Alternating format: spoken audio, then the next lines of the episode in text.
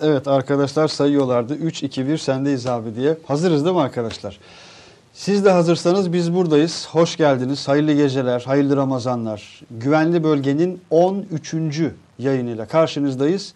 E, 13 bölüm olduğuna göre sezon finali yapma zamanı geldi Diyorsun. diye, diyelim mi? Demeyelim. Deyip demeyeceğimizi tartışırız. Gerçekten Arkadaşlar öyle şey- merhabalar. öyle bir şey mi var? Yani diziler, başarılı yapımlar, çok izlenen yapımlar 13 bölüm sürer. 13 bölüm sonra sezon finali yaparlar. İyi de ama şöyle bir şey var. Ee, insanlar şeye gidiyorlar biliyorsun. Tatile falan gidiyorlar. Tamam. Memlekette hiçbir olay tatile gitmiyor ki bize. Tam olarak öyle. Evet. Güvenli bölgenin tatili olmaz. E, ama Manşeti sen, de attık sen, bak. sen gitmek istiyorsan o başka mesele. Sen Mete tat- Bey- bir yere mi gideceksin Mete gerçekten? Bey, hoş Yok vallahi geldiniz. izne mi gideceksin? Mete Bey hoş geldiniz. Çok teşekkür ederim. Nasılsınız? iyisiniz inşallah. Allah razı olsun. Çok sağ olun. İzleyiciler şey diyorlar. e, Mete Bey Amerika'ya gireceğiz dese inanırım. Adam Diyorsun. ne söylese çıkıyor diye Eyvallah, bir izleyicimiz, bir arkadaşımız mesaj atmış. Arkadaşlar güvenci, güvenli bölgenin 13. yayınıyla karşınızdayız. Ee, ben hakikaten her hafta e, yayından sonra gelen tüm mesajlarınız için, e, tekrar yayınlarımızda gelen sorularınız için doğal olarak onlara dönemiyoruz yayınımız tekrar olduğu için. E, her biri için ayrı ayrı teşekkür ediyorum. E, her hafta programa başlarken bu cümleleri kuruyoruz gerçi ama az önce de Latife yolu belki söyledik. E, gerçekten güvenli bölgenin tatili yok. Zira Türkiye e, bugün bir WhatsApp grubunda arkadaşlarımızla bu Hendek sürecini konuşuyorduk. Gazeteci bir grup arkadaşla. E, orada bir, bir anda şeyin farkına vardım. E, bir, bir hesaplama yaptık, bir plan program çıkardık. E, 22 Temmuz 2015'ten bugüne e, Türkiye hem sınır içinde hem sınırda hem de sınır dışında Afrin'le birlikte 1400'ün üzerinde şehit vermişiz. E, yani rakam olarak bunu telaffuz etmek dahi çok güç açıkçası. Çünkü bu rakama, he- rakama, hesaba, kitaba gelebilecek bir şey değil. E, bu Türkiye mücadelesi, bu güvenli bölge mücadelesi. Mesela geçtiğimiz hafta e, Salı gecesi program bıraktığımız yeri şöyle bir hatırlayın. E, işte Münbiç artık çok daha sıcak bir şekilde karşımızda. E, ve Kandil çok daha sıcak bir şekilde karşımızda. Biz ilk olarak 27 Nisan, değil mi? 27 Nisan yayınında e, sevgili Mete Yarar birçok kez e, daha Türkiye'nin gündeminde yokken, medyanın gündeminde yokken, güvenlik çevrelerinin gündeminde yokken, belki sadece Türk Silahlı Kuvvetlerimizin attığı bazı e, bilgilendirme hesaplarından paylaştıkları bilgilerle haberdar olduğumuz Hakurk ve çevresiyle ilgili e, bilgileri bu programda konuşmuştuk. Ve işte şimdi Kandil'i konuşuyoruz. Kandil'e kalan o 22 kilometrelik hattı konuşuyoruz. Başka bir şey daha konuşuyoruz aslında.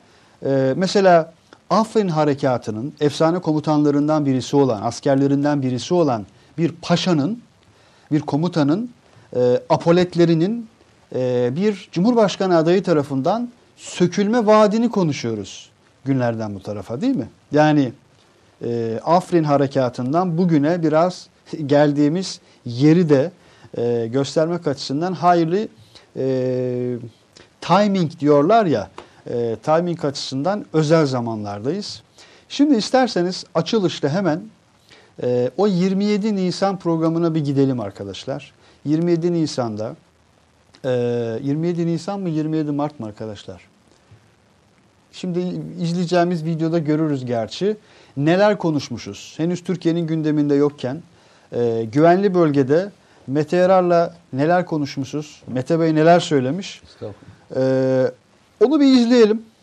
E, çünkü tam da bugüne projeksiyon tutacak. Stüdyomuzda buradaki e, ışıklarla bir şeylere baktığımız gibi e, biraz da o tespitlerin, o kritiklerin, o analizlerin ışığında bir şeyleri konuşmak e, o Kandil'e giden yolu sanırım biraz daha aydınlatacaktır. Bir izleyelim. Bir videomuz var. İzliyoruz. Sonra hemen güvenli bölgeye tekrar Bismillah diyor ve yola devam ediyoruz.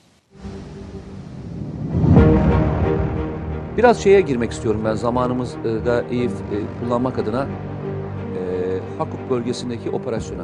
Bu operasyon eskiden olsaydı devasa operasyondu bu. Ama hala devasa operasyon ve Kandil dediğimiz yerde şurası olduğunu kabul edersen aslında bir Kandil operasyon yapılacaksa ilk girilmesi gereken yer. Yani sıçrama yeri olarak alınması gereken yer Hakuk. Birinci aşama Hakuk e, bölgesindeki bu operasyonun yapılması ileriki aşamada nelerin yapılacağını da birer göstergesi. Hakuk bölgesindeki o operasyonun derinliği e, artık tabii 40 kilometre, 50 kilometre derinlikte operasyon yapınca 15 kilometrenin lafı olmaz gibi hale geldi. Ve eğer Kandil'e bir operasyon yapılacaksa, önümüzdeki dönemde yapılacaksa Hakuk bunun ana merkezi. Hakuk bölgesini sağlamlaştırdığında aslında şu alanı çok net olarak e, temizleyebiliyorsun. Sınır sınır dışında korunur ve onun bütün planını da yapıyorlar.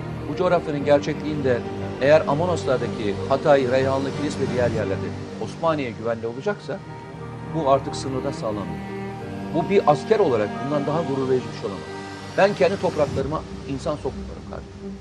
Bu bu kadar şerefli bir şey ki. Bu kadar şerefli bir şey ki. Bu birliklerin bu kadar az mevcutla karşıya geçebiliyor olmuş olması haden muazzam bir hikaye. Hakuk'a gidiyorsun ya. Sınırdan kaç kilometre kadar? Yaklaşık 15 kilometre kadar gir- girildi. Ve burası Kandil'e giden birkaç yolun e, en önemlilerinden bir tanesi Kandil'e yapılan e, hava harekatıyla 41 terörist etkisi hale getirdi. Yani geçen hafta içerisinde yüzün üzerindeki terörist etkisi hale getirdi. Hakuk bölgesi ve Kandil bölgesine yani birinci kuşak ve ikinci kuşaktan bahsediyoruz. Operasyon olduğu yer neresi? Operasyon olduğu alan şurası. Ya tam şuraya denk geliyor. Bu operasyon yapılırken açıklama neydi biliyor musun? Ee, Şamdinli'ye gireceğiz. Onlar Afrin'i aldılar. Biz de Şamdinli'yi alacağız diye açıklama yapıldığının arkasından Türkiye şeye girdi. Bölgeye girdi. Bu ne demektir biliyor musun? Hani hep konuşuyoruz ya. İninize gireceğiz lafının bence İzliyoruz. en Anlık önemli olarak laflarından bir izliyoruz. tanesi, icra rakamlarından bir tanesi budur. İnin, inlerine girmenin e, göstergesi. Hakuk hakikaten çok özel bir dosya. Afrin'de operasyon sürüyor. İdlib'de operasyon sürüyor. Şu anda nereden bakarsan Fırat Kalkanı'nda da bir dönüşüm e, projesi var. E, alta Terrifat'a gidiyorsun. Münbiç için hazırlık yapıyorsun. Ve bu arada Hakuk bölgesinde de operasyon Coğrafi icra ediyorsun. koşulların çok ağır olduğu bir bölgede çok ciddi bir operasyon. Akut. Kandil'e bir operasyon yapılacaksa ana güzergah. O yüzden bu coğrafyada Hakut'ta yapılan operasyonları bundan belki 3 ay sonra, 4 ay sonra yaşanacakların her birinin işareti olarak bakın dedim. Hakuk, Hakuk'u yalnız Hakuk olarak algılamayın.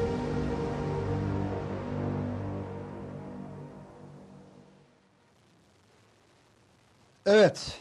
Hani no comment diyorlardı ya Amerikalılar. Ee, Amerikalılara aslında Türkçeyi öğrettik. Yani ya da biz öğren. evet.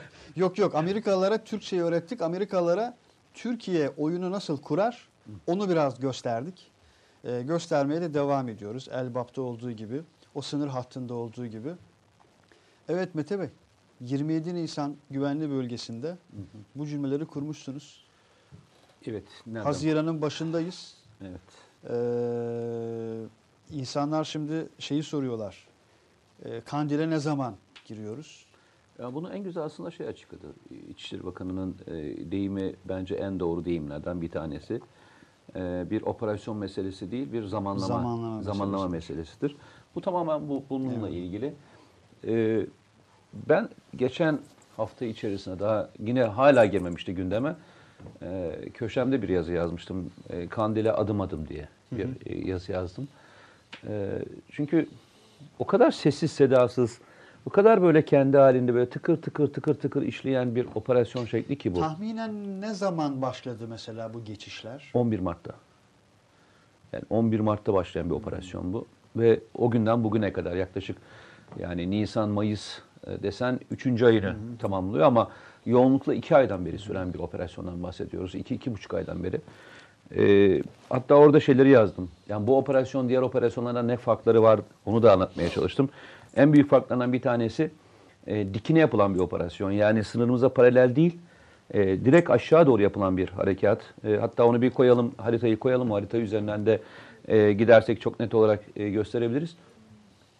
E, normalde daha önceki operasyonlar eğer e, küçük operasyonlarsa, çünkü zaman zaman özellikle Hakkari e, bölgesindeki operasyonlar, e, karşı tarafta terörist grupların olduğu yerler varsa, bunu değil arkadaşlar şeyi, e, o kırmızı olan var ya, evet, onu, ikisini beraber gösteren harita. En sağdakini, en sağdakini evet, bu, bu harita iyi. Buradaki haritada da şeyler muhtemelen görüyorlardır, e, seyircilerimiz de görüyorlardır. Bakın haritada e, farkındaysanız aşağı doğru bir e, harekat var. Şimdi o yeşil alan, şeyin alanı, hafif açık sarı gibi gözüken alan e, PKK'nın kontrolündeki e, bir alan. Hı hı. E, koyu yeşil olarak gözükenler e, özellikle e, Peşmerge'nin tuttuğu alanlar diye söyleyelim. Hı hı. Gri alan e, İran bölgesi, yukarıdaki şu anda gözükmeyen alan ise e, Türkiye sınırı. Tabii bu alanda alandaki bu operasyonu geçmişle karşılaştırmadığımızda çok da e, net olarak bir ifade ortaya çıkmayabilir. Dedim ya bu operasyon geçmişte olsa ne olurdu? Yan, yanlamasına bir operasyon olurdu. Yani e, bu operasyonu biz sınıra paralel olarak gördük ve e, müthiş bir yığınaklanmayı da e, fark etmemiz lazımdı. Ne olacaktı? Muhtemelen Habur bölgesinden, Zaho'dan giren ve e, teröristlerin kaçış noktalarını kapatacak olan, o düzlük alanları tutabilecek olan bölgelere bir sevkiyat görürdük. Ki mesela 97 idi çelik çelik harekatı. Ya 35 bin ile 40 bin askerin 40 bine yakın 40 bine yakın. E, askerin katıldı. Bunun içinde zırhlı birlikler, hı hı. E, bunun içinde e, destek unsurları, komando birlikleri, e, jandarma birlikleri dediğimiz o zaman da e, sınır ötesi operasyonlara katılıyorlardı. Bu birliklerin katılımıyla bir operasyon görürdük. Şöyle böleceğim, e, devam ediyoruz. Hı-hı. Sadece parantez açıyorum. Çünkü ard arda e, 30'a aşkın Hı-hı. neredeyse mesaj gördüm şu anda bir anda. Hı-hı. Hem Facebook'ta hem Twitter'da hem YouTube'da mention Hı-hı. atarak da gelen sorular var. Hangi TV kanalı diye sormuş birçok arkadaşımız aynı anda. Bu da yeni birçok izleyicimizin, arkadaşımızın aramıza katıldığını gösteriyor. Ne mutlu ne güzel ama not olarak düşeyim arkadaşlar. Gezete gazetedeyiz. Aslında en kolayı ne? Ve Yeni Şafak'tayız arkadaşlar. En kolayı, televizyon değil. Yani dijital televizyon. Aslında en kolayı ne? YouTube kanalına girip abone olmaları bunu evet sıklıkla yani bunu yaparlarsa altını çiziyorum. E, Haberdar olun. Her türlü yayın kaçırmayın. e, direkt e, evet. telefonlarına bildirim olarak gelecektir. Bence en doğrularından bir tanesi de o. E, ben de aynı şekilde e, evet. o şekilde takip ediyorum. Devam edebiliriz. Bu haritayı daha Hı büyük görüyoruz şu anda gördüğünüz gibi. Şimdi hatta geçen yayında da söylüyorum e, artık 40-50 kilometre aşağı girince 15-20 kilometre girmelerinin çok fazla anlamı kalmadı demiştim. Yine aynı şeyi söyleyeceğim. Böyle bir e, girme harekatını ben ilk defa görüyorum. Yani diğer operasyonlarla karşılaştırdığımdaki en büyük farklarından bir tanesi kendisinden bağımsız, lokal ama dikine yapılan e, en büyük operasyonlardan bir tanesini şu anda yaşıyoruz. Evet, e, sınıra yakın 5-10 kilometrelik girmeler olurdu. Ama bu daha çoğunlukla spesifik bir hedefe olurdu. Girilir, e, temas sağlanır ve daha sonra çekilinirdi. Bugüne kadar hep operasyonların operasyonları bu oldu. Ya benim de katıldığım operasyonların birçoğu bu şekildeydi. Yani girilir ve çıkılırdı. Ama bu operasyonun niteliğine baktığınızda e, aynı zamanda bölgede e, şeyler kuruluyor. Üsler kuruluyor. Üsler kuruluyor. Geçici üsler kuruluyor. Bu üslerden bir sonrakine sıçranıyor. E, bir üs kurulduğunda o üsle Türkiye arasındaki önce karayolu tamamlanıyor. Hı hı. Yani önce bir e, stabilize bir yol yapılıyor. Arkasından ikinci yere sıçranıyor. Bu arada etrafın mayın temizliği yapılıyor. Ve bu operasyonlar sürerken birliklerin büyük bir kuvveti aynı zamanda Afrin bölgesinde. Düşün. Bu bölgelerden bak bu bölgelerden birlik çekildi şeye gönderildi. Bölgeye sevk edildi. Bu bölgeye bu bölgede kendi imkanlarıyla bu operasyonu yaptılar. Kimler? Hmm. Bölgedeki bulunan e, piyade tümeninin emrindeki askerlerle yapılan, Hakkari dahil olmak üzere Asayiş Kolordusu'nun emrindeki komando birlikleriyle yapılan bir operasyon. Ki Afrin'den coğrafi koşul olarak çok daha zor koşullardan yani karşılaştıram evet, bunun karşılaştıramayız. Karşılaş Ama buranın şöyle bir avantajı var. O coğrafyada e, çok fazlasıyla şey var. E, sivil var. Hı hı. Çok fazlasıyla köy var. O yüzden de teröristler önce köy, köylülerin arasına sızmışlardı. Buranın e, öyle bir şeyi yok. e, pozisyonu yok. Evet bölgede köyler var ama bunlar e, yoğunlukla ve büyük köylerden bahsetmiyoruz. Evet, teröristler özellikle köylülerin arasına sızmışlardı cümlesi önemli. Çünkü PKK e, sürekli bunun propagandasını yapmaya çalışıyordu. Fakat artık bunun önemli oranda alıcısı yok. Beni hatırlayanlar bilirler. Ben e, bundan iki sene öncesinde de özellikle Elbap operasyonu başladığında da birkaç tane yazı yazmıştım. Bu yazılardan birkaçını hatırlatayım. Bir e, ülke sınır ötesine derinlikli operasyon yapabilmesi için birkaç imkan ve kabiliyeti muhakkak içine bulundurması gerekiyor demiştim. Sınır ötesine yapabilmesi için. Derinlikli. Yani yaparsın. 2 kilometre girersin, 5 kilometre girersin.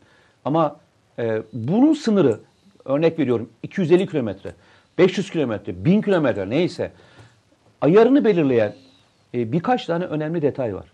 Bunlardan bir tanesi bu bölgeye gidecek ve bu bölgede kendisini idame ede- edebilecek, e, tekil görev yapabilecek olan personel ihtiyaç var. Önce profesyonel bir ordudan bahsediyoruz. İkincisi bu kişileri gönderdiğinde irtibatı hiçbir zaman kopartmaman gerekiyor. Ne bu irtibat ne demek? Telsiz irtibatı artı görüntü irtibatı. Yani bunların bulunduğu bölgeyi muhakkak görmek zorundasın.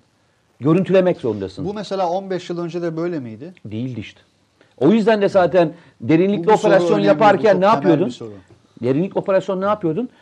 Ee, önce bölgeye gittiğinde o e, telsizin çekebileceği noktalara telsiz istasyonları kuruyordun. Onlar üzerinden aktarma. Mesela e, aşağılara iniyorduk. Mesela indiğinde o vadi yataklarında hiçbir şekilde telsiz çekmez. Sen telsiz çekmediğin bir yere bir birliği sevk edemezsin. Neden? Temas sağladığında e, o birliğe kim yardım edecek? O birliğe ateş desteğini kim verecek? Ve ateş koordinasyonu kim yapacak? Bunun gibi faktörler var. Bugün e, ikinci nokta birliklerimizi 24 saat herhangi bir yere gönderdiğimizde bunları e, gözetleyebiliyoruz. Ne yapabiliyoruz? Ben anlaşılacak bir anlama söylüyorum. Teması kaybetmiyoruz. Teması sürdürmek için de elimizde ne vasıtalar var? İHA'lar ve SİHA'lar var. Ve bunlar 24 saat esasına göre e, görev yapabiliyorlar. SİHA ve İHA'larımızın geçmişte şöyle bir handikapı vardı. SİHA ve İHA'ların menzili kısaydı. O yüzden de gönderdiğinde çünkü biliyorsun yaklaşık 200 kilometre karelik bir alandaydı. Ama bugün Ankalarla neyi Öyle yapıyorsun? değil. Yani Ankalarla devasa bir alanda arazide. Ankalarla TürkSat'ın gördüğü herhangi bir alanda istediğin alana e, bunu gönderebilirsin. Şu andaki menzil sorunu ne? Yalnızca yakıt. Onun dışında herhangi bir problemi yok. Ve 4K görüntü kalitesinde yani. Devam Afrin'de- ediyoruz. Afrin'de gördük bunu. Bölgenin bölgeyi e, Türkiye'nin kendi de katkı sunduğu casus uydularıyla belli zamanlarda görüntüleme imkanına sahipsin. Bu da senin için çok büyük bir avantaj. İkincisi demin söylediğim e, uzak mesafeli e, telsiz konuşması yapabilmek çok önemliydi. Bırakın e, bölgedeki personelin aşağı doğru indiğinde e, irtibatın kopmasını F-16'lar için bile bu handikap vardı. Yani yüksekte olan bir e, F-16'nın bile Türkiye'deki belli yerlerle irtibatı kesildiği için belli derinliklere inemiyordu. Bugün ister AVAX'larla, istersen e, Türkiye'nin kendi elektronik haberleşme e, sistemleriyle veya uydu sistemleriyle bu handikapı aşmış durumda. Yani e, ikincisi de bunu sağladın. Bu da seni derinliğe gönderiyor. Üçüncüsü önemli şeylerden bir tanesi. Gönderdiğin birliği muhakkak ateş destek unsurlarıyla korumak zorundasın. Yanına birlik göndermeyebilirsin. Eskiden niye çok fazla birlikle giderdik biliyor musun? Bunlardan bir tanesinin sebeplerinden bir tanesi şuydu. Ki 40 bin diyoruz. Yani bu söz ettiğin üç başlık içerisinde bu 40 bin askerin saha koşullarında, cephe koşullarında koordinasyonu, irtibatı, yönlendirmesi, Bunların bunların büyük bir kısmı kaçış noktalarını kesmek için inen birliklerdi. Yani zırhlı birliklerdi. Yine büyük bir kısmı lojistik unsurlardı. Ki bu da hedefe de çok açık oldukları anlamına da geliyor yani. Evet. Üçüncüsü de e, bölgede 24 saat esasına da gözetleme yapamadığın için herhangi bir sızmaya veya saldırı anında Bu arkada gördüğünüz Kandil bu arada arkadaşlar. Kandil'in etekleri. Buyurun lütfen. e, bunu sağlayamadığınız için, bunu sağlayamadığınız için de otomatikman çok daha fazla askerle alanı kapatmak zorundaydım. Şimdi alanı askerle kapatmıyoruz. Alanı SİHA ve İHA'larla ve casus uydularla kapatıyorsun. Senin askerine gelebilecek herhangi bir sızmayı veya pusu faaliyetini Anlık olarak sen İHA ve SİHA'larla tespit ettiğinde oluyorsun. demin sana söylediğim nokta atışı yapabilecek olan bir ateş destek unsuruyla seçiyorsun. Bunlardan bir tanesi F-16 olabilir. Bunlardan bir tanesi e, SİHA ve İHA, SİHA'lar olabilir. Bunlardan bir tanesi helikopterler olabilir. İşte ataklar ve diğerleri. Yine bunlardan bir tanesi istersen seçersin ÇNRA olabilir. Yine bunlardan bir tanesi bölgede bulunan fırtına obüsleri olabilir. Bu ateş destek unsurlarıyla. Peki bu ne kadardı? Geçmişte bunun benzeri e, Türk Silahlı Kuvvetleri ateş destek unsurunun artmasıyla beraber e, daha da yükseldi. Bu zamanında 15, 20, 25 kilometreler civarındayken bugün 40 ve ötesi diye konuşabiliyoruz. Yani bunu F-16 ve SİHA'yı koyduğunda menzil bile koymuyorsun. bu, gerçi farklı bir şey. Boranın menzili 300 Böyle miydi? boru at- buraya boru atmazsın. Evet, başka bir şey. Yani. Yani buraya boru atmazsın ama e, zaten şu andaki alana baktığında 22 kilometrelik bir alana baktığında her türlü ateş destek unsurlarıyla bu bölgeyi çok rahatlıkla kontrol edebilirsin. Dördüncü unsurlardan bir tanesi de herhangi bir temas anı yaşandığında bu askeri veya oradaki bulunan personeli tahliye edebilecek tahliye edebilecek bir at- e, bir unsura sahip olman lazım. Bunlar ister helikopter olur, isterse kara vasıtalı olur. Bugün dikkat ediyorsan e, hem kara vasıtalarıyla yani yollardan geri çekebilirsin hem de diğerlerini. Evet şu aslında e, çok güzel. E, görüyorlar mı şu anda? Tam E, ekran verebiliriz arkadaşlar. görebiliyorlarsa bunu verelim. Bölgeyi e, görmek anlamında çok güzel bir harita. Bu nereden buldunuz Bu Zafer Bey? fotoğraf için e, sevgili Mete'ye ama Mete Sohtaoğlu'na teşekkür ediyorum.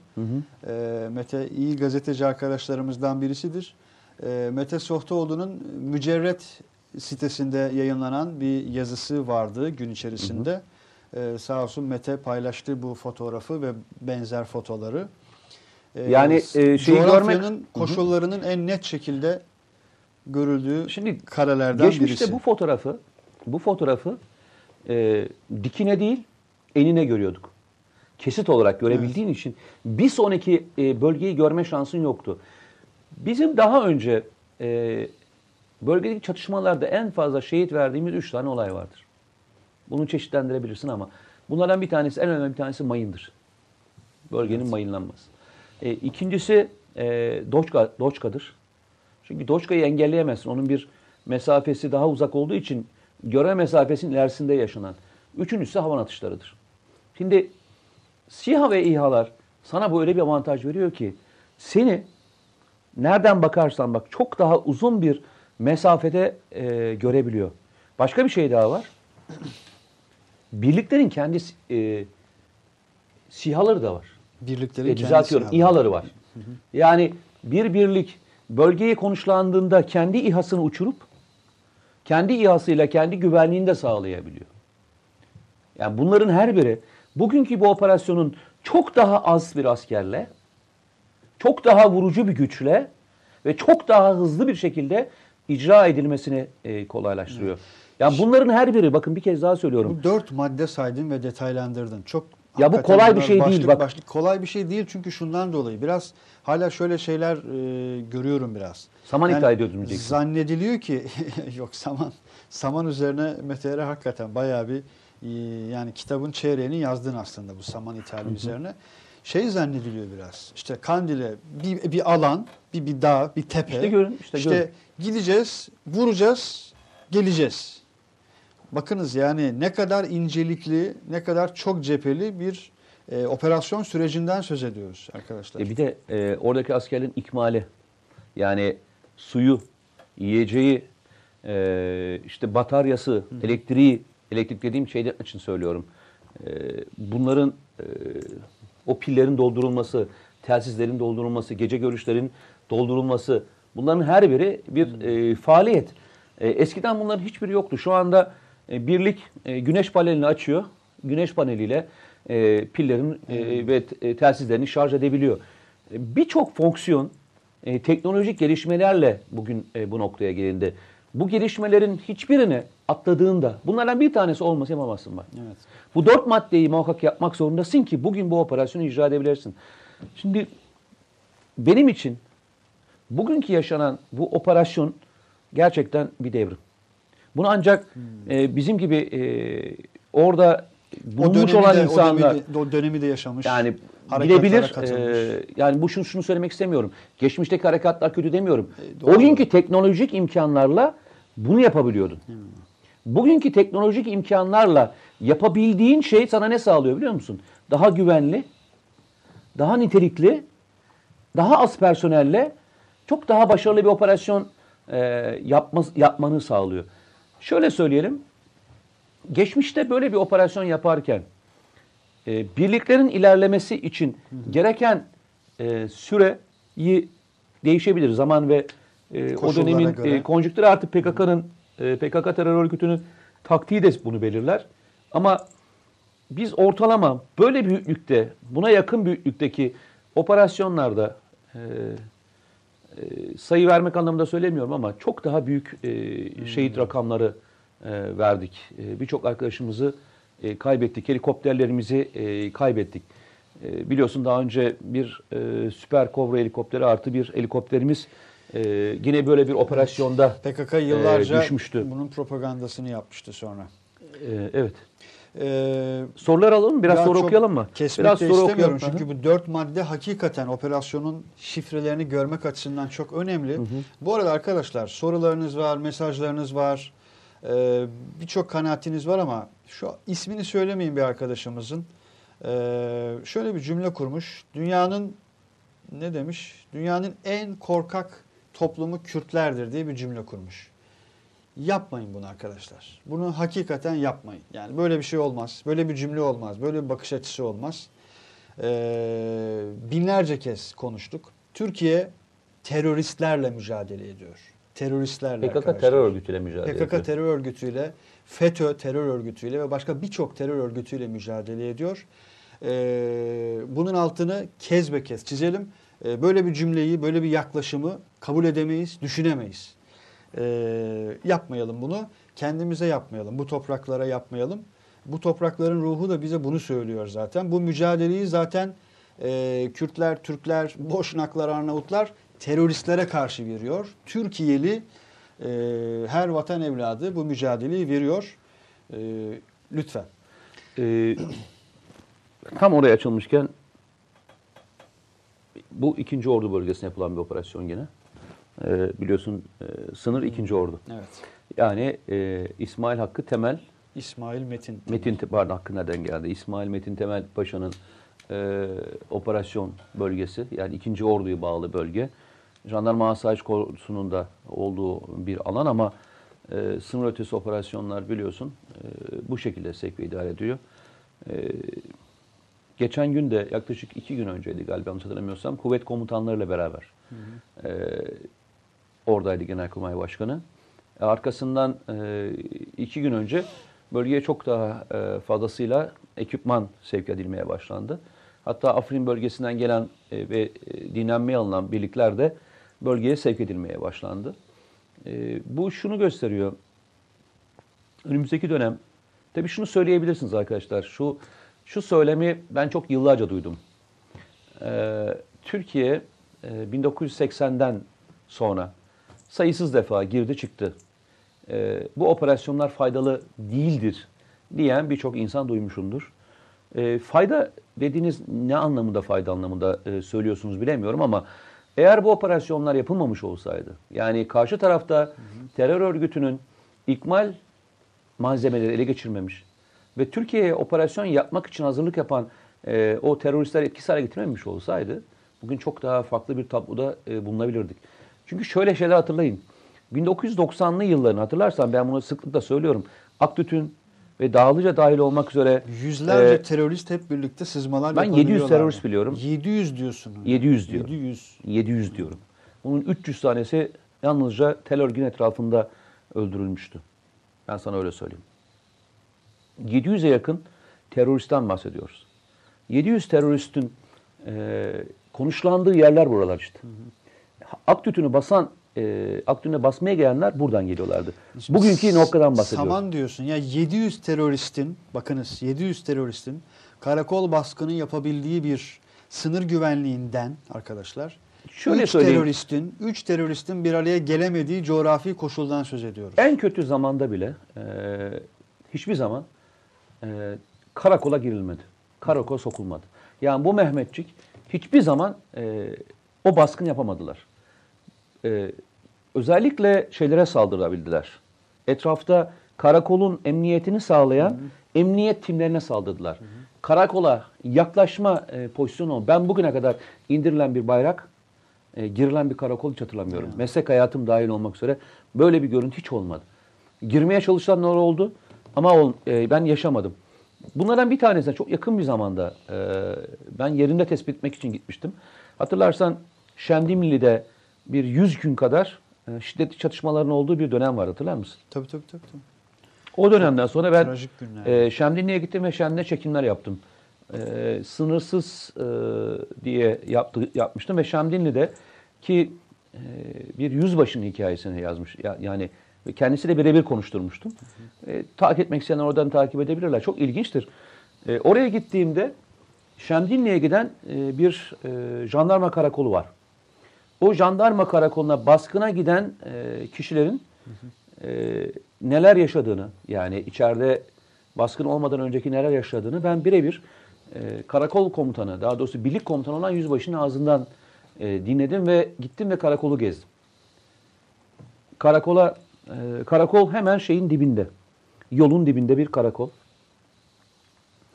E, zaten jandarma karakollarının en büyük sıkıntılardan bir tanesi geçmişte kaçakçılığı engellemek için yapıldığı için çoğunlukla da e, yolların kenarına yapılmış. Yolun kenarına gelindiğinde e, arabanın içerisine şeyler gizleniyorlar. Bir kamyon içine gizleniyorlar teröristler. Ve 3-4 hakim noktaya e, doşkaları yerleştiriyorlar. Ve önce saldırıya başlıyor ama e, Şam'daki bu olaylar olmadan önce geçmiş bu arkadaşımızla da geçen gün karşılaştım onu da söyleyeyim sana. Çok da mutlu oldum. E, bir e, konuşma yapmak için gittiğim yerde görevliydi. Tabii rütbesi artmış. O zaman yüzbaşıydı. E, şimdi karşılaştığımda yarbaydı. E, karakol komutanı daha doğrusu birlik komutanı karakola gidiyor. Normal gitmesi gerekmiyor. Yüzbaşı olarak gidiyor ve karakola yerleşiyor. En tehlikeli karakollardan bir tanesi. Bütün mevzilere şeyleri yerleştiriyor. Ki o dönemin karakollarına teşekkür Tabii, ederiz. kale Ve kol falan değil. Yani kale kol değil. Ya, baraka maraka. Hallice. Aynen öyle, baraka. Barakadan Hallice. Ve kendi imkanlarıyla çimentolar alıyorlar. Ee, bütün mevzileri çimentoya tekrar e, yapıyorlar ve sabahlara kadar e, kendisi de dahil olmak üzere beton beton e, mevziler hazırlıyorlar. Bu üç gün falan sürüyor. E, çatışma çıkacağı, çıktığında e, çünkü öyle bir mahkum bir yerde ki birbirine geçemeyeceğini düşünüyorlar. Ve e, şeyleri de mühimmatları da askerlerin bulunduğu yerlere dağıtıyorlar. Hangi yıllar? O Şemdinli, Şemdinli, tam dönemi. Şemdinli Evet. zamanı. Şemdinli'deki olaydan bahsediyorum. Ee, bir jandarma karakolunda yaşanan e, olaydan bahsediyorum. Ve araba yanaşırken fark ediyorlar. Arabanın içerisinde kamyondan inmeye çalışırken öldürülmüşler. Hatırlıyor musun? O görüntüyü hatırlarsın. Bir kısmı o. İkinci bir araç, bu arada havanlar atılıyor e, karakola ve e, doşkalar atış edilmeye başlanıyor. Bir kısmı 2-3 kişi içeri sızıyorlar. Bu 2-3 kişiyi etkisiz hale getiriyorlar. Yapabildikleri en fazla buydu. Düşün yani en e, riskli bir çatışma anından bahsettiğim e, olaydan bahsediyorum. E, bu- bunun gibi yapabildiler. Bir karakolu e, ele geçirme, bir bayrak indirme gibi bir olayı hayatları boyunca böyle bir şeyi akıllarından bile geçirmedi onu söyleyeyim. O 700 e, teröristin gelebilmesinin en büyük etkenlerinden bir tanesi buydu işte. Bir dakika reklam arası. Romandan şiire, tarihten düşünceye, klasik metinlerden özel edisyon çalışmalarına kadar geniş bir yelpaze ve yüksek bir frekanstan yayın yapmayı hedefleyen Ketebe, şimdiden Türk kültür hayatında kalıcı ve önemli bir yer edindi. Edebiyatımızın seçkin eserlerine, genç kalemlere, tarihimizin engin zenginliğine, dünya edebiyatının hem güncel hem de klasik metinlerine, düşünce dünyamızın, maneviyat tarihimizin köşe taşlarına ve gün yüzüne çıkmamış değerlerine ev sahipliği yapmak, Ketebe'nin yayın politikalarının omurgasını oluşturuyor. Dünya standartlarında bir yayıncılık anlayışı, ve deneyimli kadrosuyla yola çıkan Ketebe Yayınları, kitaba, kağıda ve söze hürmet eden bir medeniyetin parçası olarak her şey geçer, yazı kalır diyor. Reklam arası sona erdi. Sınır ötesinde yığınaklanma yapmasını engelleyemiyorduk. Son ana kadar göremiyorduk. Bak son ana kadar göremiyorduk. E, ve karakola saldırıldığı andan itibaren hava e, durumuna göre hava durumuna göre ya işte hava kuvvetleriyle ya topçu birlikleriyle e, ateş destek unsurlarıyla e, etkisiz hale getirmeye çalışıyorduk. Bunu e, bir net olarak tabloyu ortaya koymak adına e, söyledim. Eyvallah. Ee, geçen gün e, tabii siyah bize niye kazandırdığını Sayın Cumhurbaşkanı da geçen gün çok güzel açıkladı. Ama bir şeyi daha ekleyeyim. Bizim siyahlarımızın e, diğer siyahlara, Heronlara göre ve diğerlerine göre çok büyük bir etkisi daha var onu söyleyeyim. Heronlar ve diğerleri e, kötü hava şartlarında işte e, biz türbülans diyoruz ya e, yağmurlu, tipi, e, çok e, bulutlu havalarda uçma e, sınırı varken bizim yapmış olduğumuz yeni yaptıklarımızın yazılımları sayesinde her hava şartında uçabiliyorlar biliyor musun? Bu neyi engelliyor? Bütün koşullarda uçuş, Uçuş. özellikleri Ama var. bu neyi engelliyor biliyor musun? Teröristler geçmişte özellikle sisli ve puslu havalarda veya yağmurlu havalarda Büyük e, karakollara saldırılardı. Helikopterlerin gelmesini engelledikleri için ve hava kuvvetlerinin direkt atış yapmasını engelledikleri için yaparlardı. Ama bugün SİHA'lar 24 saat boyunca her hava şartında uçabildiğinde Müthiş. müthiş. Müthiş. Aslında biz şeyi söylüyoruz ya kale kol diyoruz. Aslında SİHA'lar da birer e, kale kol. Askeri görünmeyen bir demir kubbeyle koruyorlar. Aslında onun koruyucusu koruyuculuğu çok daha büyük. O hem etrafı gözetleyebilen hem de diğerlerini yapabiliyor. Başka bir teknoloji daha söyleyeyim. Önemli şeylerden bir tanesi. Modüler, e, duydun mu hiç? Modüler Tabii, karakol. tabii, tabii, modüler. Duydun mu? Kavram olarak Ee, şu son dönemde biraz daha Aselsan'ın sık bir şekilde Aselsan'ın yaptığı e, bir e, projedir bu. Birbirinden bağımsız olarak yapılıyor ve arazide onlar birleştirildiğinde birer karakol oluyor hemen. Modüler karakol e, tabiri olarak geliyor. mobilize yani bir nevi. Şimdi bu üsler bu şekilde rahat kurabiliyorsun. Pat pat pat pat birbirine bir ekleyebiliyorsun. Al sana bir tane karakol. Eskisinden çok daha güvenli, çok daha emniyetli bir şekilde muhafaza edebiliyorlar. Bu arada Aselsan demişken geçen hafta söylemiştim. Ee, Aselsan e, biliyorsun hissesi satıldı. Çok ilginç bir tablo gerçekleşti. Aselsan Türkiye'nin belki en karlı firmalarından bir tanesi. Bir de devamlı sipariş alan ve devamlı yukarı doğru giden bir grafiği olan bir e, şirket. Birçok farklı ülkeye de pazar genişliyor günden güne. Aynen öyle. Ee, satışa çıktı biliyorsun. Ben de burada e, söylemiştim. Ben de elimden geldiği kadar Yer alacağını e, söylemiştin. Aldım. Aldım açık net söyleyeyim. İlginç bir tablo oldu. Normalde böyle bir şirketi e, yurt dışındaki yatırım kuruluşları hemen atlayıp alırlardı. Almadılar. Ya sence alırlar mı? Mümkün mü Ama ne oldu şey? biliyor musun? İşin güzel tarafı şu. Türk halkı sahip çıktı kendi şirketine ve şirketin hisselerini topladılar. Ee, normalde e, Türk Türkiye'deki yatırımcıya yani küçük yatırımcıya ayırdıkları para ne kadardı biliyor musun? Ee, 3 milyar liralık bir hisse senedinin yaklaşık e, %20'sini ayırmışlar. E, %80'i e, Türkiye'deki e, halkımız aldı. Ki Aselsan'ın e, genel müdürü de mesela önemli bir kısmını bu sermayenin e, ARGE'ye Arge'ye tabii. e, ve yine önem, yanlış hatırlamıyorsam %20'si ya da %40'ıydı yapay zeka çalışmalarına ayıracaklarını söyledi. Yani her cephesi, her açısı özenle düşünülmüş, stratejisi oluşturulmuş. E, bugün için değil uzun vadeli de aynı zamanda düşünülmüş devasa Gerçekten bir e, milli teknoloji hamlesi yani her anlamda. Hiç parası anlamda e, düşünerek bir şey yapmadım. E, çünkü hiç e, borsayla falan alakam yoktu. Hiç de böyle bir şeylere girmem. Hiç e, uğraşmam da. Ama e, böyle bir tuzağa sezinliyordum. Çünkü eğer e, yabancı yatırımcı almayıp eğer çıkmış olsaydı Aselsan'ın hisse senetleri aşağı doğru gelmeye başlayacaktı. Evet. Türk halkı sahip çıkınca e, büyük bir oyunu da büyük bir evet. oyunu da bozmuş oldu. Yani Yani halkı bir oyunu daha bozmuş ya diyoruz ya yani. biz burada kandil anlatıyoruz ama inan e, her noktada bir mücadele var. Bunun ismini borsa koy, faiz koy, dolar koy, onu koy, bunu koy. Fısıltı gazetesi koy. Ne koyarsan dolar koy yani. hatırlayın. Böyle gidelim. Ee, Ha şey diyordum tam. e, İsmail e, Temel Paşa'dan bahsediyordum. İsmail Metin Temel'e Temel Paşa'dan. onu gelelim de izleyiciler de zaten ona ilişkin sorular soruyorlar ama biraz da e, Peki. sorularını ve kanaatlerini paylaşalım. Birsen Mehmet Onen çok keyifli bir program sağ olun. Eyvallah. Ee, Rahmi Koçoğlu çok sağ olun faydalanıyoruz. Doğru haberlere ihtiyacımız var. Bedri Çelik selamünaleyküm. Aleyküm Aleyküm selam Bedri.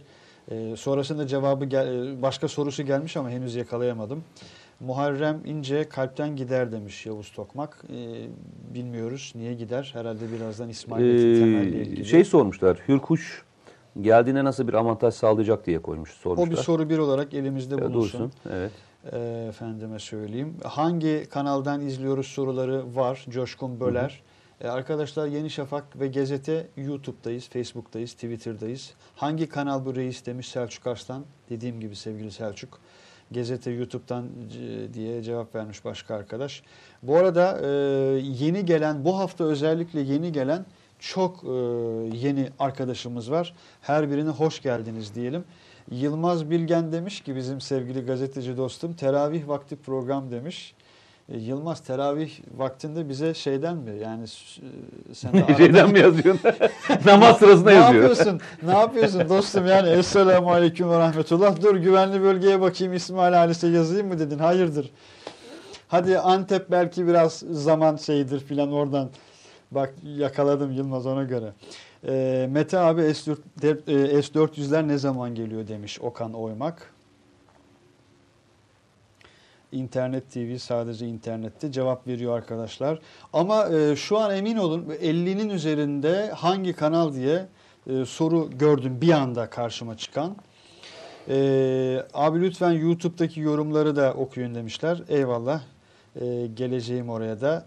E, İsmail Metin Temel Paşa'mızın yanındayız. Abi uzay çalışmalarında neler var diyor ki e, Sayın Cumhurbaşkanı da şu son dönemde yaptığı 3 ve 4 3-4 farklı ortamdaki konuşmasında uzay e, projelerine ilişkin bilgilendirmeler yapmıştı. Bu hakikaten önemli. Şimdi- Mete abi senin son kitabının adı neydi demiş. Büyük yani.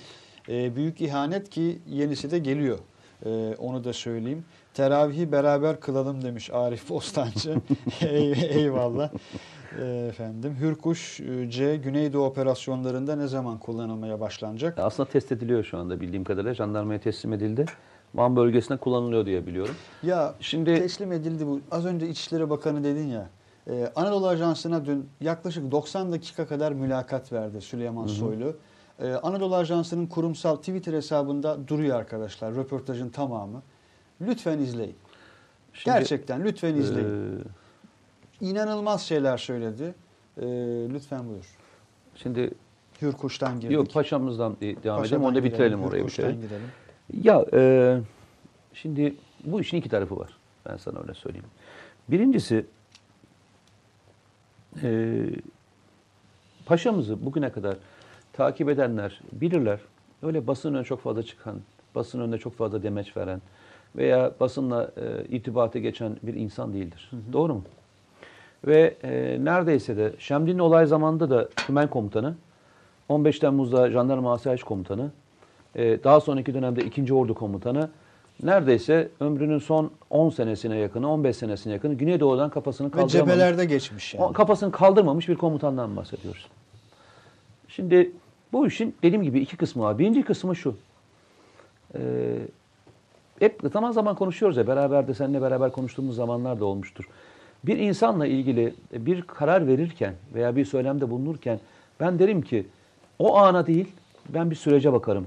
Bu insan nereden nasıl gelmiş diye. Hani birisi hakkında kötü bir şey söylendiğinde ya bu adam kim ya diye sorarım ve ondan sonra hatırlıyor musun? Çok Tabii, tabii, çok tabii. kendi aramızda Aynen- çok konuştuğumuz bir sohbetimizdir.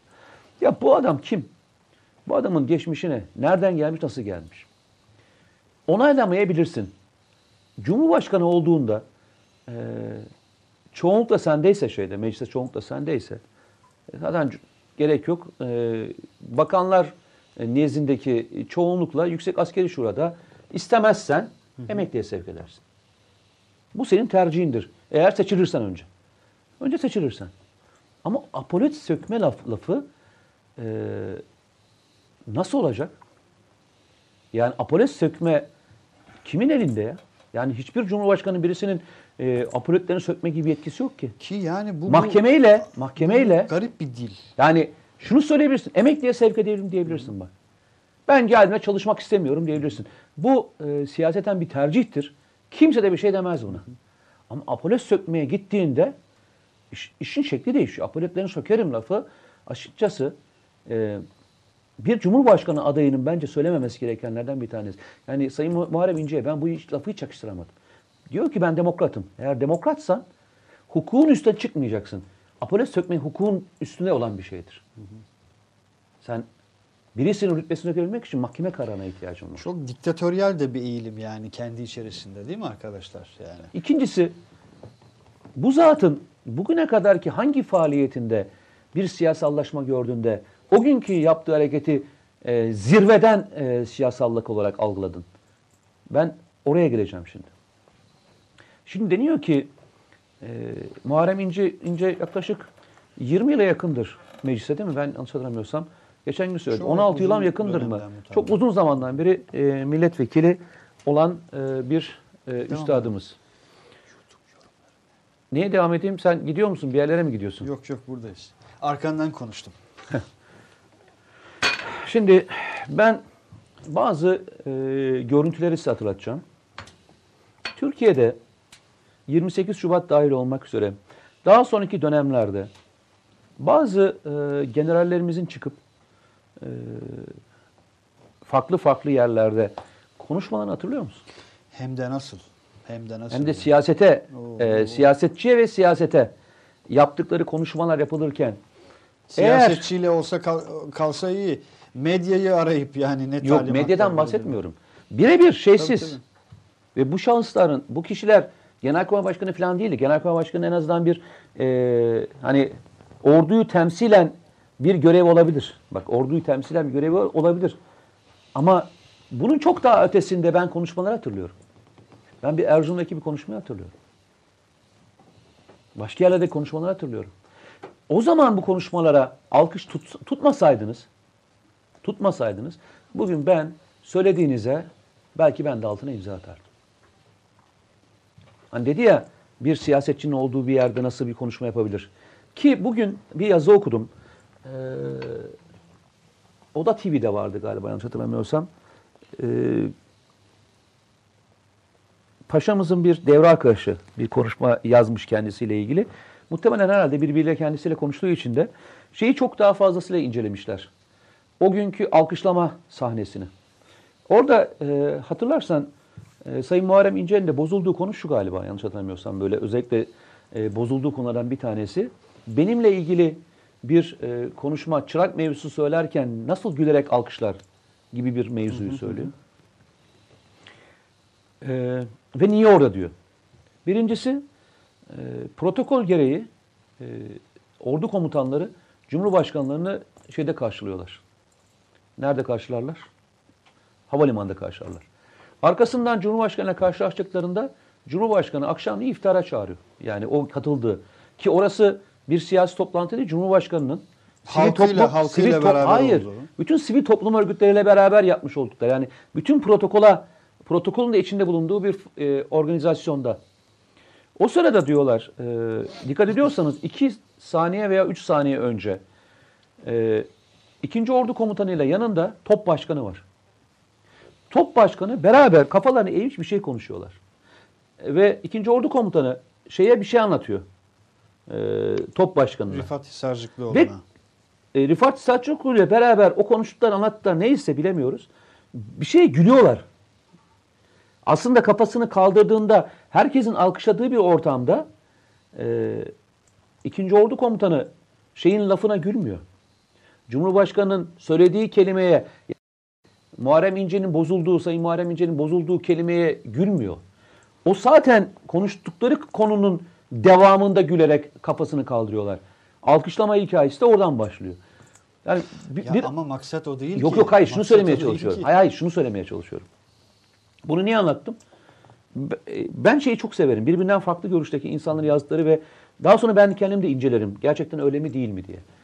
Ee, Metin Temel'in bugüne kadar hiç güldüğünü gördün mü 2. Ordu Komutanı?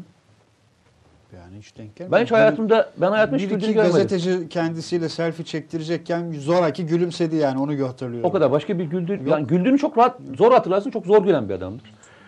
Ve dediğim gibi 10 yıllık e, safahatına baktığında da kendisini ispatlamış bir insandır.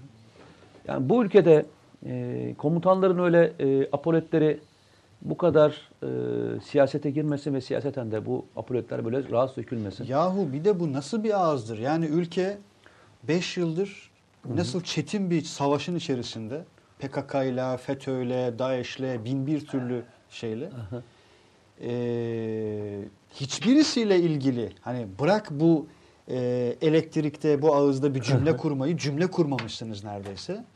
Hani ne olur ben burada sana vurdum, dokundum şöyle. Mukabele için o ayarda bir şey yapılır. Apolet sökmek. İşte diyorum ya yani Bu- bu- deyim e, deyim biraz e, bence fazla o. Fazla. Başka bir şey. Fazladan Fazla. da ziyade başka bir şey. Ya şimdi e, bir kez daha söylüyorum. E, bir cumhurbaşkanı adayı olduğu için e, yani temsiliyeti bir rütbeye e, aday. Bu arada bir siyasi bir şeyden söz etmiyoruz Bahsetmiyoruz. arkadaşlar. CHP'yi falan konuşmuyoruz şu anda. Başka bir şey. Daha ontolojik bir vakadan söz ediyoruz yani. E, neyse e, hikaye bu.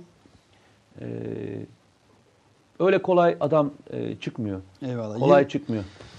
Evet dedi yani öyle kolay adam çıkmıyor. Ee, İki bir önceki programda da söylemiştin. Yani çıkan adamları linç etmekte de üstümüze yok. Linç girişiminde bulunanlara karşı da savunmak boynumuzun Yani o gecenin demiştik. 15 Temmuz'un benim kafamda kalan e, birçok fonksiyonu vardır ama e, üç tane önemli e, komutanı var. Çünkü diğerleri gözetim altına alındığı için çok da ismini duyamadı. Bunlardan bir tanesi bugün jandarma genel komutanı olan ve o gece e, jandarmayı bir caminin içine sevk eden, eden şu andaki jandarma genel komutanımız. İkincisi Asayiş Kolordu'nun başında olan İsmail e, Temel Paşa'mız. Bir de Cekayet e, Aksakallı Zekai Paşa. Aksakallı. Yani bu üç komutan e, o gecenin çok önemli çok önemli e, insanları. Bir tanesi bugün e, Çanakkale'de e, Yunanistan sınırı dahil olmak üzere e, Çanakkale Boğazı dahil olmak üzere korunmasından sorumlu bir kolordu komutanı. Diğeri ikinci ordu komutanı. Diğeri de jandarma genel komutanı. Yani çok kritik. Üç tane görevde olan insanlar. O yüzden e, o kadar çabuk. Üçü de hedefte. Onu da söyleyeyim. E, FETÖ'nün hedefinde olan üç tane şahıs. Fitne açısından da hedefteler. Hedefteler. Yani, evet. Yani e, bir karı suda boğmak için hazır bekledikleri üç tane e, önemli insandan bahsediyoruz. O yüzden de hani FETÖ'nün e, eline malzeme vermemek için, bu terör örgütünün eline malzeme vermemek için, PKK'nın eline malzeme vermemek için yapmamız gereken şeylerden bir tanesi. Tam tersine e, o kadar çok fazlasıyla ellerini taşın altına koydular ki. Yıllardan beri koyarak gidiyorlar. E, yıllardan beri koyup da hiçbir şey istemeyen e, bu insan, insanlar en azından üsluplarımızla e, biraz Eyvallah. e, dikkat edelim. Bu arada e, YouTube'dan gelen mesajlara biraz bakalım. E, 22 saatimiz hayli geçti gerçi ama 22.34'te e, Almanya Köln'den bir mesaj gelmiş. Adige 73 e, isimli kullanıcıdan. Almanya Köln'de şu an iftar vakti. Hepiniz hoş geldiniz. Hayırlı akşamlar demişler. Eyvallah. Almanya Köln'e de özel selam. Senin de Almanya'da hayli okurun var bildiğim kadarıyla. Biliyorum, çok da seviyorum hepsini. Eyvallah. Samet Türkan 22.34'te yazmış. Mete Yarar mı vardı bu akşam? Evet Mete Yarar var Her akşam. akşam. Mete Yarar alana yanında da İsmail Halis var arkadaşlar. Ee, efendime söyleyeyim. Kenan Oğuz Güzel hayırlı akşamlar iyi yayınlar eyvallah.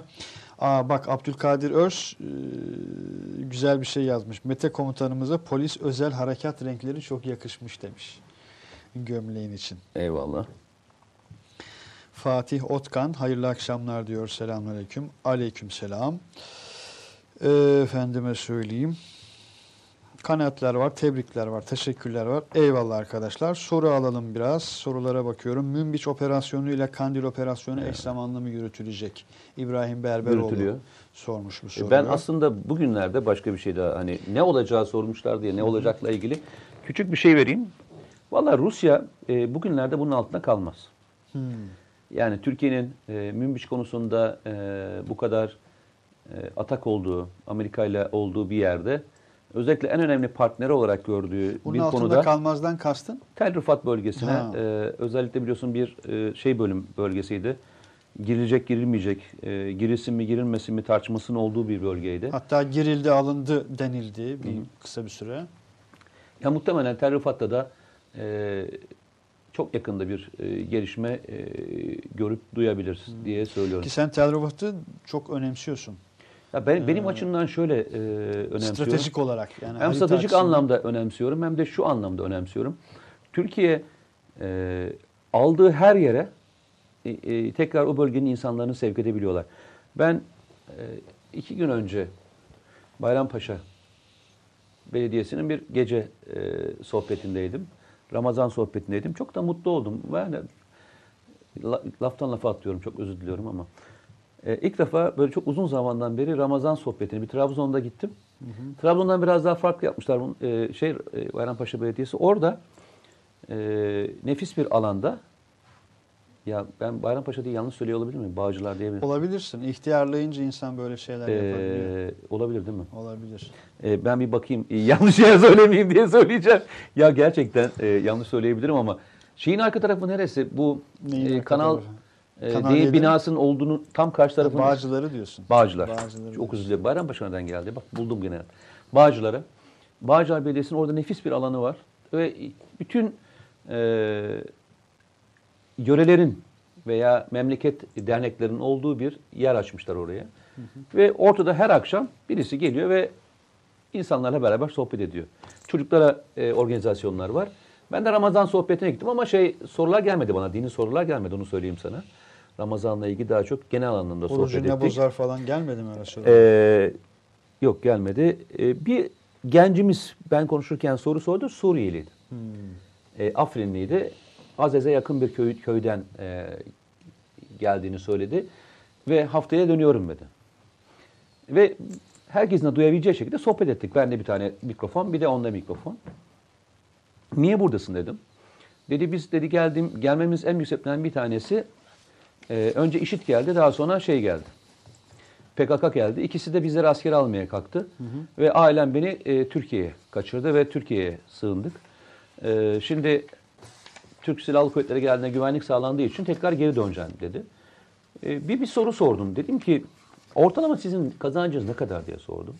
Bir rakam verdi inanılmaz bir rakam. Ben rakam söylemeyeyim şimdi. Biz de e, hem zeytinimizden hem hayvancılığımızdan ve diğerlerinden inanılmaz para kazanırız dedi. Aylık olarak. Biz dedi e, kendi vatanımızdan başka bir yerde gitmek gibi bir niyetimiz yoktu. Buraya gelme- gelmemin en büyük bir tanesi şeyle ilgiliydi, güvenlikle ilgiliydi. Böyle sayıyı arttırmak zorundayız. Yani o insanların, o havza dediğimiz, hemen Halep'e kadarki olan o verimli topraklardaki insanları geriye döndürebilirsek, zaten Türkiye'deki e, büyük bir bölüm, ki bu bölüm anlamında söyleyebileceğim rakam yaklaşık 700 bin civarındadır. Bölüm zaten kendi topraklarına geçecekti. O yüzden Tel Rifat çok önemli bir e, fonksiyonu barındırıyor içerisinde. Özellikle Tel Rifat bahsini açtım. Ee, WhatsAppoloji şimdi e, Twitter hesabı üzerine WhatsAppoloji isimli bir Twitter kullanıcısı demiş ki sürekli söylüyorsunuz da gazeteyi nereden nasıl izleyeceğiz? YouTube gazete yazın karşınızda bizi göreceksiniz. Sevgili WhatsAppoloji. Ee, Twitter gazete Twitter hesabında direkt olarak bizi göreceksiniz. Ee, Notunu düşmüş olalım. şeyi Ee, söyleyecektim sana. Tam e, bu konuyu konuşurken. Şimdi Afrin operasyonunu konuştuk ve Hürkuş'u konuştuk. Şimdi Hürkuş ilk yapıldığında çok ilginçtir. Ee, şöyle bir e, konu gündeme geldi. Den- Dendi ki ya Türkiye'nin e, pervaneli bir uçak yapmasının ne gereği var? Yani böyle bir uçak mı yapılır? Hikayesi geldi hatırlarsan. Bunun yapılmasının en büyük sebeplerinden bir tanesi neydi? Türkiye'deki eğitim uçağı. Yani F-16'ya geçmeden önceki eğitim uçağı olarak yapıldı biliyorsun. Bunun bir de daha sonra silahlı modelini yapalım dediler. Neden silahlı modelini yapalım dediler? Şimdi şöyle düşün. Normalde biz e, F-16'ları niye kaldırıyoruz? Aslında bildiğin av önleme uçağı. E, ama e, PKK ile konusu olduğunda bu F-16'lar kalkıyor ve bir e, bölgedeki bir bulunan bir terörist grubu etkisiz hale getirmek için kalkıyor. Bunu istersen SİHA ile yapabilirsin. Ama SİHA da e, belli bir tonajın üzerinde mühimmat taşıyamadığı için bunu daha ufak küçük çaplı yapabiliyorsun. Ama Hürkuş ne yapıyor biliyor musun? Belki e, 30'da bir maliyetine, 40'ta bir maliyetine aynı operasyonu icra edebiliyor. Evet. Yani şu şu demek değil ki ben hep şu örneği veririm. Ee, su taşıma şirketiniz var. Size birisi sipariş verdi. Evinden evine su istedi. Herhalde Ferrari ile götürmezsiniz değil mi? Bunun en e, feasible hali hangisi onu yapmaya çalışırsın. Nedir o?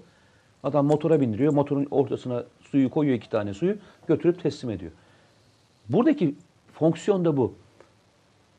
Özellikle e, terörle mücadelede e, ne kadar fazlasıyla aynı etkiyi verebilecek malzemeyi kullan ama daha az masrafla yapabileceğin konuyu yapabilirsen burada elde ettiğin tasarrufla ordunun modernizasyon için çok daha fazlasıyla para harcayabilirsin. Ama yani bu- bu- saatlik uçuşu saatlik uçuşu çok daha yüksek olan bir F-16 kaldırmak zorunda değilsin. Aynı görevi çünkü av önleme yapmıyorsun. Bir uçakla uçakla karşıya gelmiyorsun. Bir hedefe atış yapıyorsun. Ve bu hedefe atış fonksiyonunu sen hürkuş de yapabiliyorsun. O yüzden çok mantıklı bir seçimdi. Ee, ve bence de e, olması gereken bir fonksiyondu. Savunma sanayine yönelik böyle enteresan e, karşıt söylemler de geliştiriliyor. Bunu nereye oturtmak gerekir bilmiyorum. Yani Hürküşü mu? Sadece hürkuş değil yani üretilen birçok savunma sanayi ürünü üzerine yani tekrar saman ithalatı bahsini açmak istemiyorum ama e, yani mesela şu an bir seçmensiniz. Türkiye'nin dört bir tarafında ki Ege en sıcak sulardan birisi. Daha ısınma, ısınacak. E, Akdeniz'de olanlar hepimizin malumu. İşte 19 ay sonra idi Türkiye'nin gireceği seçim ki bu programda yine konuşmuştuk. E, o 19 ayın e, saldırısını Türkiye bu adımıyla bertaraf etmişti. Ee, daha mesela. dolar dolar Yoktu yükselmeye yani. başlamadan önce Yoktu seninle yani. beraber Aynen. e, bir sohbetimizde dedim ki e, adamların yapabilecekleri bir tek fonksiyon kaldı. E, önümüzdeki günlerde müthiş bir şekilde dolarla, hatırlıyorsan seninle konuşmuştuk. Daha dolar yükselmeye başlamamıştı. Dolar üzerinden manipülasyona başlayacaklar ve bunun bütün e, emareleri de çok net olarak ortada demiştik. E, ben açıkçası ki bu hafta yazdım yazımda yazdım onu. E, aklıma bir kurt düşürdüler diye bir yazı yazdım hatırlarsan. E, iki gün önceydi galiba. hatırlamıyorsam. Pazartesi günü yayınlandı. E, ne yaşanacaksa Ege'de ve Akdeniz'de yaşanacak. Evet. Ne Çünkü yaşanacaksa Türkiye, Ege ve Akdeniz'de Türkiye- diyorsun. E, Ege ve Akdeniz'de eğer doğalgaz ve petrol bulursa gerçekten bu ülkeyi tutamaz. Ki Fatih e, gemimiz malum açıldı. Bismillah dedi Antalya açıklarından Ve bulunmaması diye bir yani. şans da yok onu söyleyeyim sana. Herkesin bulduğu yerin sen de aynı yere kazıyorsun. Yani şöyle düşün. Sen orada kuyu kazdın, buluyorsun. Ben burada kazdığını bulamayacak mıyım yani aynı dibinde? Mümkün değil yani. Yani doğalgaz ve petrolün bulunduğu bir yerde inan Türkiye'nin e, tutulması mümkün değil ya. Mümkün değil ya. Bütün oyunlarda orada başlıyor. Bak dikkat et. Hatırlarsan e, gemilerin kiralanmasından başlayarak arkasından Mısır'a şu Misral sınıfı gemilerin Suudi Arabistan parasıyla ya düşünebiliyor musun? Bir ülkeyi düşünebiliyor musun? Başka bir ülkeye para verip bizim şu anda yaptığımız helikopter ve tank taşıyıcı gemilerinin aynısını yaptırabiliyor yani. Evet. Ki mesela Mısır dediğince şimdi tekrar hatırladım. Mısır, İsrail, Yunanistan ve Güney Kıbrıs e, arasında kaç kez Tatbikat e, yaptılar. tatbikat yapıldı, özel programlar dört benzemez. Evet. Dört benzemez bir araya gelip e, tatbikatlar yapılmaya başlandı. Hayfa'dan çıkacak olan o boru hattı ile ilgili e, mevzuyu konuşmuştuk. Bunların her biri e, önümüzdeki dönemde ne yaşanacaksa açık ve net söyleyelim. E, Ege ve Akdeniz'de yaşanacağının göstergesi. Çok da uzak değil bak. Ben 3 ve 6 ay diyorum. 3 ve 6 ay. Ya bu şey demek söylemiyorum. Ee, bir savaşacak anlamda söylemiyorum. Eyvallah, elbette. Gerilim nerede yaşanacaksa yaşasın orada yaşanacak. Ya şu tatbikatlardan söz ediyoruz. Bunlar da bu geride bıraktığımız 3 ve 6 aylık zaman zarfı içerisinde oldu. Bir anda oldu. hakikaten bir bakın mesela Güney Kıbrıs, e, İsrail, Yunanistan ve Mısır arasında ve Suudi Arabistan son olarak dahil edildi. İşte e, Arap Birliği'ni konuşuyorduk. Suudi Arabistanlı bir heyet Hı hı. e, yani PKK bölgesine gidip e, hangi destekler alınabilir, verilebilir verdiler. bunları konuştuk. Hani 200 dolar şu anda Evet, 200 yani- dolarla maaşlar belli filan. 200 dolarla sınır muhafızlarına e, para Tabii. verilmesi kararlaştırıldı. Çok ilginç e, bir şey. E, tabii Türkiye de e, inanılmaz bir atak yaparak ilerliyor bu konuda. E, iki tane büyük anlaşma imzalandı biliyorsun. Bunlardan bir tanesi Pakistan ordusuna e, 30 tane e, ta- atak, Atak, helikopterlerinin satışı ile ilgili e, anlaşmanın imzalanması ile Hatta ilgili. bizzat başbakan yardımcısı kullandı pilot kendisi e, Pakistan'ı. Başbakan kullandı. Başbakan değil mi? Başbakan, Başbakan kendisi kullandı. kullandı, bizzat. Ee, ikinci de e, yine e, Canik'le e, Savunma Bakanı'nın bir açıklaması. Türkiye bir tek kalemde yapabileceği en büyük ihracatı bugünlerde yapacak dedi. Milgem satışıyla ilgili, dört gemi satışıyla ilgili. Bunun satışın rakamı da yaklaşık 3,5 milyar dolardan bahsediyoruz. Ki çok güzel bir rakam söyledi. Benim için çok e, önemli bir rakamdır bu. E, Türkiye'nin e, bir yılda yaptığı e, toplam tarım ürünleri satışının %25'ini bir anda dört tane Sadece, gemi evet. E, elde edeceğiz. Hani dedi. saman ithalatı diyoruz, işte yatırım diyoruz. Yani sadece iki rakam arasındaki mukayeseye bir bakarsak Yok yine onlar yine samanı bulurlar. ne kadar stratejik bir adım olduğunu görebiliriz. Ee, Bak bu arada izleyiciler hiçbir şeyi kaçırmıyorlar ha. Az önce bir, bir demiş gibi arkadaş. Tedrifat bahsi geçtiğinde e, Mete Yarar'ın yüz ifadesini nasıl okumalıyız demiş. bugün mü? Şimdi az önce. Böyle bir Evet. soru sormuş bak mesela. Ee, ben anlamadım. Yüz ifademde ne vardı? Ben hani ben bilmiyorum. Ee, kötü bir şey mi vardı? Yo hani Umutsuz muydum? bilmiyorum. Gelirse Dargın soralım. mıydım? Nasıldım? Bak şu anda Driver Tech şu anda yaklaşık bin küsür izleyici kitlesi var bu yayının. YouTube için söylüyor arkadaş. Bu yayının TV'de boy, boy alması gerekiyor demiş.